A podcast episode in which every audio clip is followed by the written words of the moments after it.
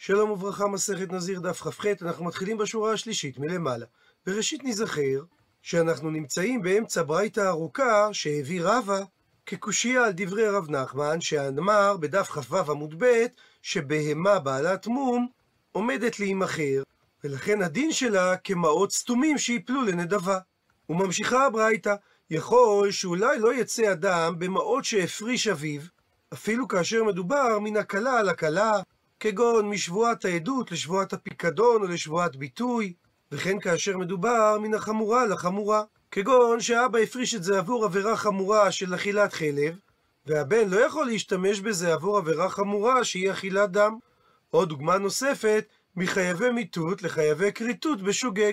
אבל אולי ניתן לומר שיוצא הבן בקורבן שהפריש לעצמו כאשר מדובר שהוא הפריש מן העבירה הקלה לחמורה, או לחילופין מן החמורה על הקלה. עונה על כך הברייתא, תלמוד לומר, לשם כך אמרה התורה, נקרא בפנים, או הודה אליו חטאתו אשר חטא, והביא קורבנו שעירת עזים תמימה נקבה על חטאתו אשר חטא. ומזה שהתורה אמרה בפסוק קורבנו בהתחלה ועל חטאתו בסוף, לומדים עד שיהיה קורבנו לשום חטאו. אבל הוא לא יכול להתכפר בקורבן שהוא הפריש עבור חטא אחר. וממשיכה הברייתא ונקרא לפי הגאות מערב רנשבורג. יכול שלא יצא אדם בבהמה שהוא הפריש לעצמו, אפילו מן העבירה הקלה על הקלה, או מן העבירה החמורה על החמורה. וכן אם הוא הפריש מן הקלה על החמורה, או מן החמורה על הקלה. וטעם הדבר, שכן אם הפריש בהמה על החלב שהוא אכל בשוגג, והוא הביא את הבהמה כדי לכפר על הדם שהוא אכל בשוגג, או לחילופין, שהוא הפריש את הבהמה על הדם שהוא אכל בשוגג, והוא הביא אותה כקורבן על החלב שהוא אכל בשוגג, שהרי מצד אחד הוא לא מעל, אם הוא שגג והקריב קורבן על הדם את הקורבן שהוא הפריש עבור החלב, שהרי עדיין הבהמה בקדושתה עומדת, כיוון שהבהמה קדושה בקדושת הגוף, ואין כאן מעילה, שהרי היא לא יצאה לחולין על ידי כך שהוא הקריב אותה להקדש אחר. ומצד שני, הרי הקורבן עדיין עומד בקדושתו הראשונה, לכן ולא כיפר על העבירה שלשמו הוא הקריב את הקורבן. אבל אולי נאמר שאדם כן יוצא במעות שהוא הפריש לעצמו מן הקלה לקלה ומן החמורה לחמורה, או מן החמורה לקלה ומן הקלה לחמורה, מהסיבה שכן אם הפריש לעצמו מעות לפי הגאות מערב רנשנבורג על החלב, והביא את הקורבן על הדם, או הפוך, שהוא הפריש את המעות על הדם, והביא את הקורבן על החלב, שבמקרה כזה, אולי נאמר שהוא כן יוצא, שהרי מעל וכיפר. מסביר המפרש, שכיוון שהוא לקח במעות חטאת אחר שלא הופרש לשמן, אז הוא בעצם נחשב כאדם שמוציא את המעות לחולין, וממילא הוא מעל. וכיוון שהוא מעל בו, אז אנחנו גם אומרים שהוא מכפר על העבירה שלשמה הוא מביא את הקורבן. עונה על כך הברייתא, התלמוד לומר, נקרא בפנים, ואת כל חלבה יסיר כאשר יוסר חלב הכסף מזבח השלמים, והקטיר הכהן אותם המזבחה על אישי אדוני, וכיפר עליו הכהן על חטאתו אשר חטא ונסלח לו. ומהמיעוט הנוסף על חטאתו למדה הברייתא, עד שיהיה קורבנו לשם חטאו, כך שגם במזיד הוא אינו יכול לשנות אפילו את ייעוד המעות שהוא הפריש עבור קורבן מסוים. עד לכאן לשון הברייתא, ומקשה רבה. קטני מיית, הרי אמרה הברייתא, שנזיר אינו מגלח על בהמת אביו, והשתמשה הברייתא במילה בהמה, בלי להבחין אם מדובר על בהמה תמימה או בהמה בעלת מום. אז אם כך, מה אליו, האם לא מדובר אפילו על בהמה בעלת מום, שלמרות שאבא הפריש אותה, ומת, הבן לא יכול להשתמש בה. מה שאומר שבהמה בעלת מום היא כמו מפורשת, ולא כמו מעות סתומית, שהרי אם היא הייתה כמו מעות סתומית, אז הבן היה יכול להשתמש בהם. הוא מסביר התוספות שרבא מדמה את ההלכה של גילוח הנזיר על מעות אביו, לעניין אותה ההלכה למשה מסיני שדיברה על מעות סתומים שיפלו לנדבה, שדווקא מעות יפלו לנדבה ולא בהמה, ואפילו אם מדובר על בהמה בעלת מום. דוחה הגמרא שהברייתא לא דיברה על בהמה בעלת מום, אלא על בהמה תמימה. וממילא לא קשה על רב נחמן. ממשיך רבא ומקשה, אבל לעניין בהמה בעלת מום, מה יהיה הדין שכסתומה דמיה? שהיא דומה למעות סתומים שהשאיר אב, והבן יכול לגלח עליהם? אז אם כך, מה עיריה דקטני? מדוע דיברה הברייתא על מקרה של מעות שהפריש אביו? ליטני, הייתה הברייתא צריכה לומר שמדובר על בהמה בעלת מום.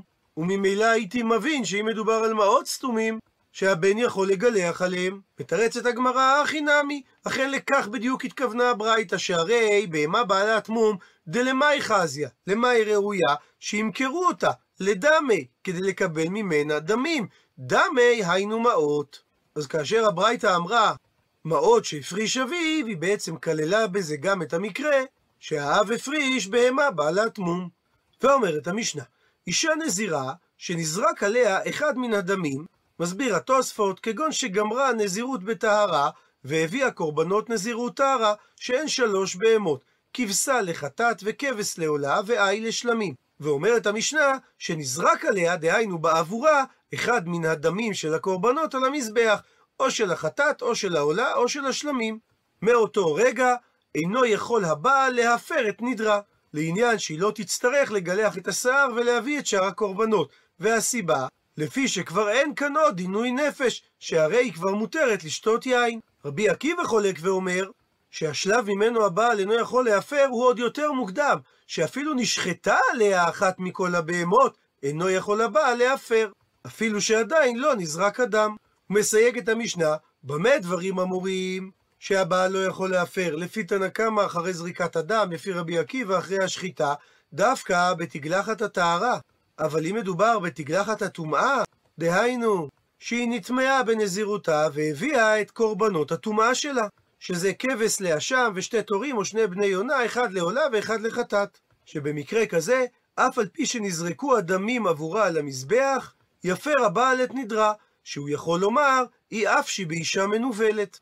כלומר שהבעל יכול להפר את הנדר מפני שהאישה צריכה עכשיו למנות את ימי נזירות הטהרה מההתחלה, ושוב היא תיאסר ביין, ויש כאן עינוי נפש. ומאיר תוספות שלשון ניבול הכוונה כאן לעינוי. רבי מאיר חולק ואומר שאף אם מדובר בתגלחת הטהרה, אפילו לאחר שנזרקו דמי הקורבנות על המזבח, יפר הבעל את נדרה לפני שהיא מגלחת את שערה, שהוא יכול לומר, היא אף שהיא באישה מגלחת.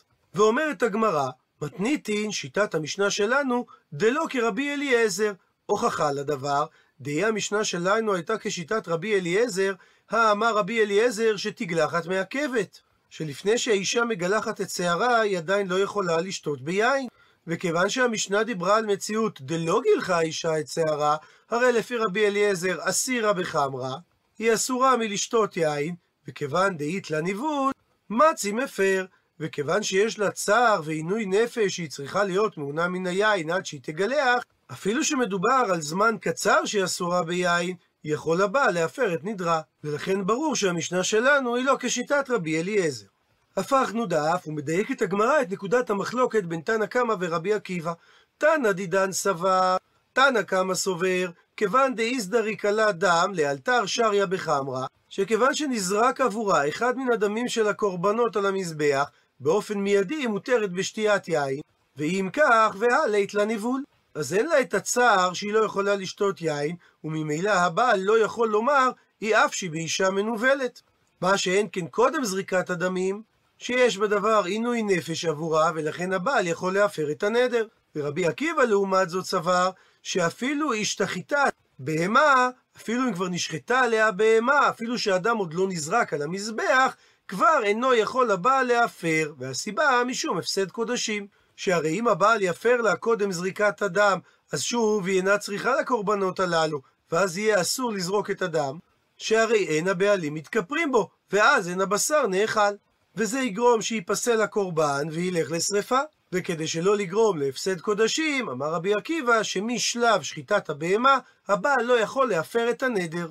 מה התקיפלה? מקשה על דברי רבי עקיבא רבי זעירא, ועמי, ומדוע? אומר רבי עקיבא שבמקרה כזה יש ביזיון קודשים, שהרי אפשר לזרוק את דמן של הקודשים שלא לשמן, ועל ידי כך ויתיר את הבשר באכילה, שהרי מי לא תניא אם לא שנינו בברייתא, לגבי כבשי עצרת, שהם שני כבשים שמביאים עבור קורבנות שלמים בחג השבועות, ששחטן שלא לשמן, או ששחטן לפני זמנן, או לאחר זמנן, זאת אומרת, או שהוא שחט אותם שלא לשם כבשי עצרת, או שהוא שחט אותם לפני חג העצרת, בערב העצרת, או לאחר הזמן, לאחר העצרת, שהדין שהדם ייזרק והבשר יאכל. למעט, ואם הייתה שבת, הדין שהדם לא ייזרק, לפי שאין הבשר נאכל בשבת, שהרי אין צליית קודשים דוחה את השבת, ואם בכל זאת זרק בשבת, אז הדין שהורצה להקטיר את האמורין לערב.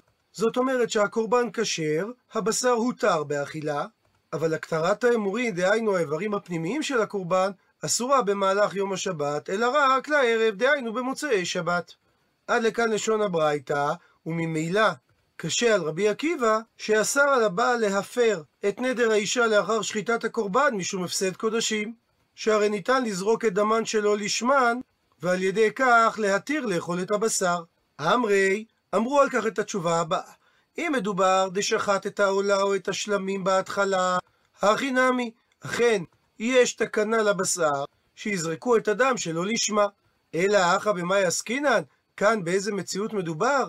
כגון ששחט את החטאת ברישה.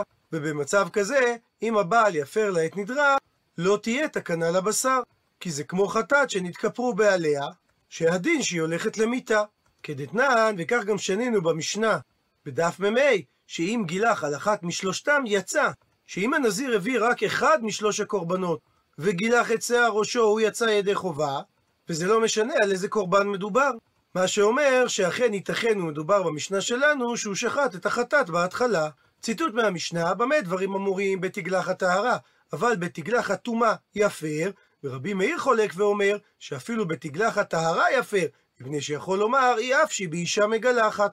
שואלת הגמרא ותנא קמא, מדוע הוא לא מסכים לדעתו של רבי מאיר שהבעל יכול להפר את הנדר, מפני שהוא יכול לומר שהוא לא מעוניין באישה שמגלחת את שערה? יענה על כך, אמר לך תנא קמא, מפני שאפשר בפאה נוכרית, שעל ידי כך האישה נראית כאינה מגלחת. ורבי מאיר לעומת זאת סבר, שגם בפאה נוכרית הבעל יכול להפר את הנדר, איידי דזוהמה לא ניחא ליה. מפני שהבעל יכול לטעון שלא נוח לו שהאישה שמה על ראשה שערות שלא שייכות לה. ואומרת המשנה, האיש מדיר את בנו הקטן בנזיר, על ידי שיאמר יהא בני נזיר, ואז יתחילו את מניין הימים מיד, אפילו אם אין הבן יודע שאביו ודירו בנזיר.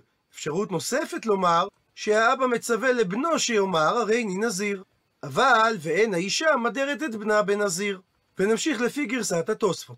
במקרה שגילח הילד את שערו, או שגילחו קרוביו, או שמיכה הילד בדברים, או שמיכו קרוביו בדברים, והייתה לו לאבא בהמה שכבר הייתה מופרשת עבור קורבנות הבן, אז הדין שהחטאת תמות, והעולה תקרב עולה, והשלמים יקרבו שלמים, ונאכלים ליום אחד, כמו החומרה שיש על שלמי נזיר, אבל ואינן טעונים לחם, שלא כמו שלמי נזיר שמביאים איתם לחם חלות ורקיקים.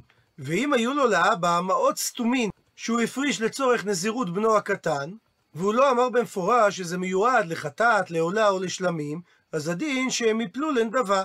ואם היו לו מעות מפורשים, שהוא אמר במפורש אלו לחטאת, אלו לעולה ואלו לשלמים, אז הדין שדמי החטאת ילכו לים המלח, שהרי דינם כדין חטאת שלא ניתן להקריב אותה. ומצד אחד ולא נהנין, שהם אסורים בהנאה מדי רבנן, ומצד שני ולא מועלים, אין בהם דין מעילה, משום שהם לאו בני הקרבה. שגם אם עברו ונהנו מהם, לא צריך להביא קורבן אשם מעילות, ולא צריך לשלם קרן וחומש להקדש, שהרי לא מביא מהם קורבן. ובדמי העולה יביאו עולה, ומועלים בהם, שאם אדם נהנה בהם ושוגג, הוא צריך להביא קורבן אשם מעילות ולשלם קרן וחומש להקדש, ובדמי השלמים יביאו שלמים, ונאכלים ליום אחד, כדין שלמי נזיר, ואינם טעונים לחם, שהואיל וכבר פקעה הנזירות, ולעניין מעילה, כבר הזכרנו שבשלמים שזה קודשים קלים אין מעילה. עד לכאן דף כ"ח.